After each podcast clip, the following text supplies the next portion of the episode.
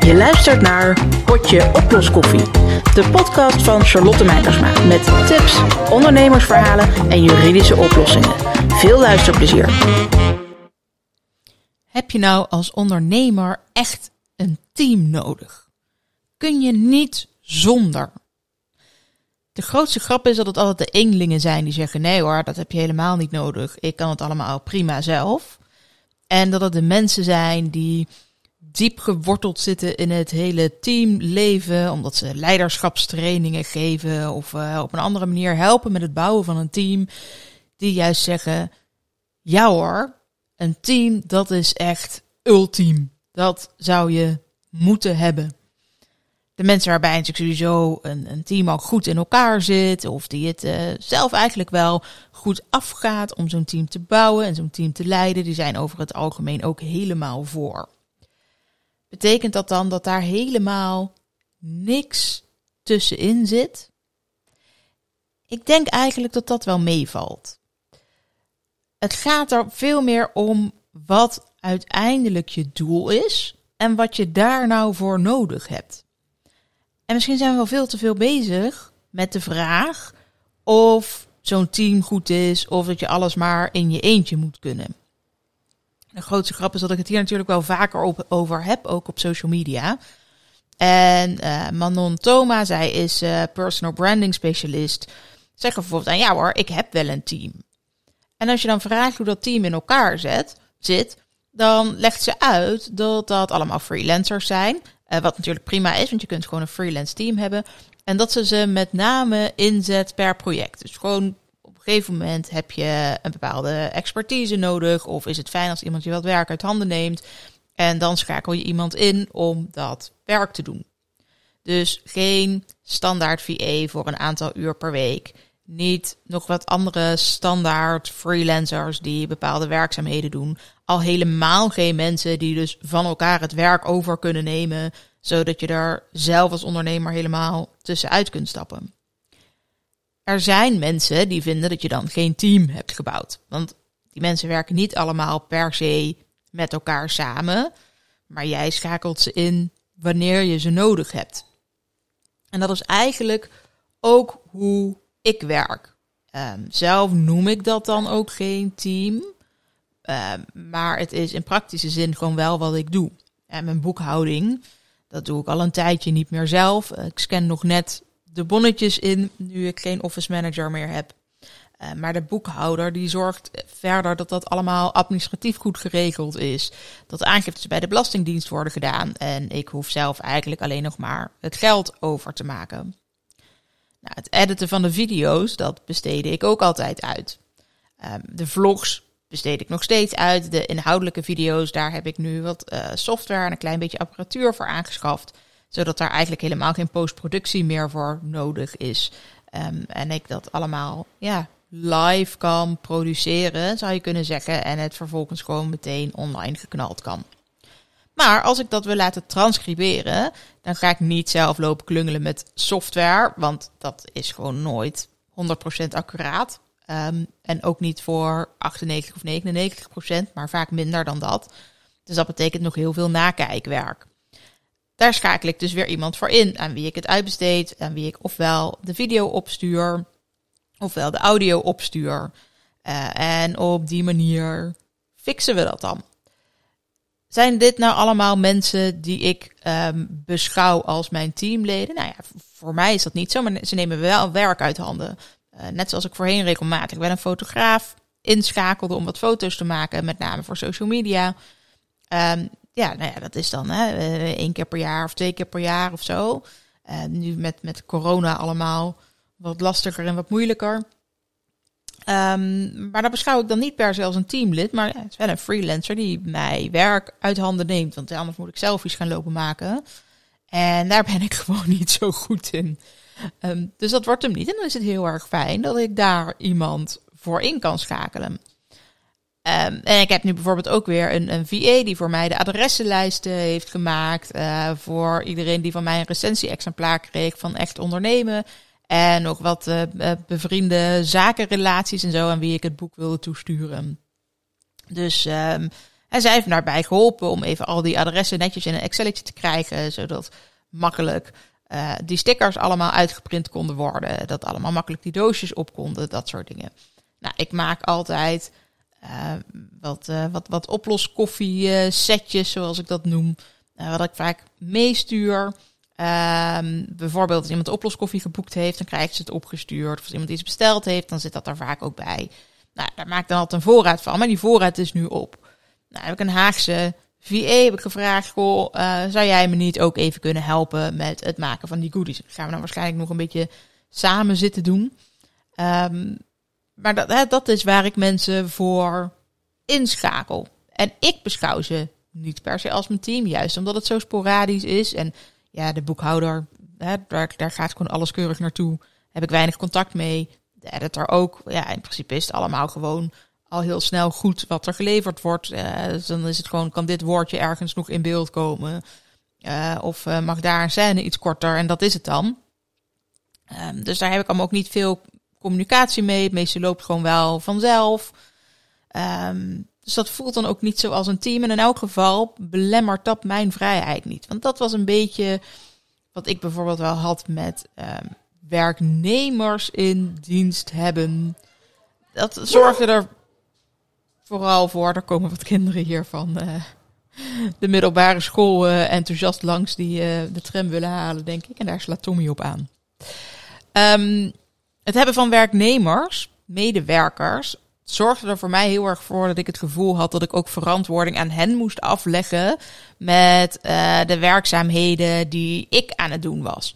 En of ik wel genoeg declarabele uren draaide. Um, hè, wat, wat nou de waarde was van het werk wat ik leverde. Hoe laat ik dan wel niet op kantoor was. Um, terwijl het er dan voornamelijk gaat om ben ik er terwijl zij er ook zijn. En niet zozeer hoeveel uren ik in totaal werk. Of zoals ik een andere bevriende collega of collega uh, ondernemer uh, hoorde zeggen. Zei ja, want we hadden het een beetje over het isoleren en zo van een ruimte. Om ervoor te zorgen dat je wat minder galm hebt, bijvoorbeeld. Zeker voor zo'n podcast als dit lekker. Maar soms heb je natuurlijk ook gewoon een, een ruimte waar het wat meer galmt, waar je iets wilt doen. En ik zei, nou ja, zelfs plantjes helpen al een klein beetje. Ik zei, ja, dat vind ik heel leuk, plantjes. En dat willen al mijn medewerkers ook wel. Maar er is vervolgens niemand die die plantjes water wil geven. Dus mensen willen wel van alles, maar ze nemen daar vervolgens geen verantwoordelijkheid voor. Nou, dat zou je natuurlijk met een freelance team vervolgens heel goed op kunnen lossen. Um, maar het lastige natuurlijk van een freelance team is weer wel dat je die niet hè, te veel dezelfde hoeveelheid uren in mag zetten, niet te veel in mag zetten omdat het dan eigenlijk weer kan gaan lijken op zo'n fictief dienstverband. Een beetje dezelfde problemen als die je zou kunnen hebben met iemand die je een oproepcontract aanbiedt. Het zit nog wel iets strikter in elkaar, maar het, het lijkt er wel een beetje op. Hè? Dat je eigenlijk denkt, nou wat zijn we allemaal lekker flexibel met z'n allen. Maar ondertussen valt het dan uiteindelijk wel tegen als iemand toch wel nou, redelijk wat uren voor je draait. En zeker als het voornamelijk uitvoerend werk is. Uh, wat misschien iets minder zelfstandig uitgevoerd kan worden. Ja, dan kan het wel zijn dat iemand het op locatie doet, maar dat maakt iemand dan nog niet uh, de echte freelancer zonder rechten. Um, zo stelde ook iemand de vraag van, nou ja, wat is er nou nodig als je wil groeien in je bedrijf? Hoe ziet dan je ideale team eruit? En ik denk dat dan niet alleen maar erbij komt kijken met hoeveel contact heb je nou met mensen. En kun je ze voor jezelf hè, juridisch lekker flexibel inzetten? Of uh, neem je ze toch in dienst? Uh, en, en dat je eigenlijk alleen maar op basis daarvan overwegingen maakt. Maar ik denk dat dan opeens cultuur ook een, um, een grote rol gaat spelen. Want als jij met je bedrijf wil groeien, dan wil je waarschijnlijk ook wat mensen vinden die met jouw bedrijf mee willen groeien. Nou, dat betekent dat je voor die functies mensen wil vinden die je gewoon in dienst gaat nemen. Um, omdat ze waarschijnlijk ook wel wat meer dan maar een paar uur per week voor je gaan werken. Ja, dus ook als het part-time is. Uh, want dan, uh, dan kun je nog steeds een fictief dienstverband hebben. En je wil gewoon dat zij zich ook bij het bedrijf betrokken voelen. Nou, dat is natuurlijk gewoon sneller het geval als iemand in dienst is dan als het een freelancer is. En je wil ook eigenlijk min of meer over en weer kunnen. Dat je, dat je wat minder uh, makkelijk van elkaar af kunt. Zodat je elkaar wat zekerheid biedt in dat opzicht. Alhoewel een werknemer altijd wel hè, een korte opzegtermijn heeft en zo weg kan zijn. Daar niet van. Um, maar je wil vooral dat iemand ook heel graag voor jou wil werken. En uh, bij jou wil blijven en wil helpen om het bedrijf te bouwen. En dat gewoon leuk vindt om te doen. Eigenlijk ook los van of het nou een freelancer is. Uh, of dat het uh, iemand in loondienst is. Het belangrijkste is dan eigenlijk dat je ervoor zorgt dat iemand het zo naar zijn zin heeft. Dat ze jou ook van alles ja, gunnen, zou je kunnen zeggen. Nou, niet zozeer dat er um, meer gewerkt moet worden dan waar er voor betaald wordt of zo. Um, maar meer qua inzet, saamhorigheid, samenwerken. Dat iemand het prima vindt dat hij misschien met ideeën komt die, die, dan dus ten gunste komen van jouw bedrijf. En dat ze daar niet uh, vervolgens zelf mee aan de haal willen gaan. Um, dat ze niet bij jouw bedrijf weggaan en, en, en klanten of relaties meenemen. Maar dat iemand is die eigenlijk vooral mee wil helpen bouwen. Um, die misschien zelf niet zo aandurft om, om daar de leiding in te nemen en dat risico te nemen, maar, maar daar wel graag in meewerkt. Zodat die, die cultuur en die sfeer, die wordt dan heel erg belangrijk.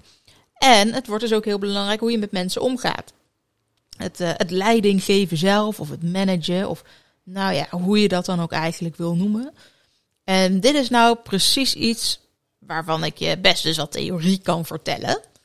Um, want uh, nou ja, ik kan ook boeken lezen en cursussen volgen. Um, net zoals jij dat kunt. Maar ik ben niet goed in die uitvoering.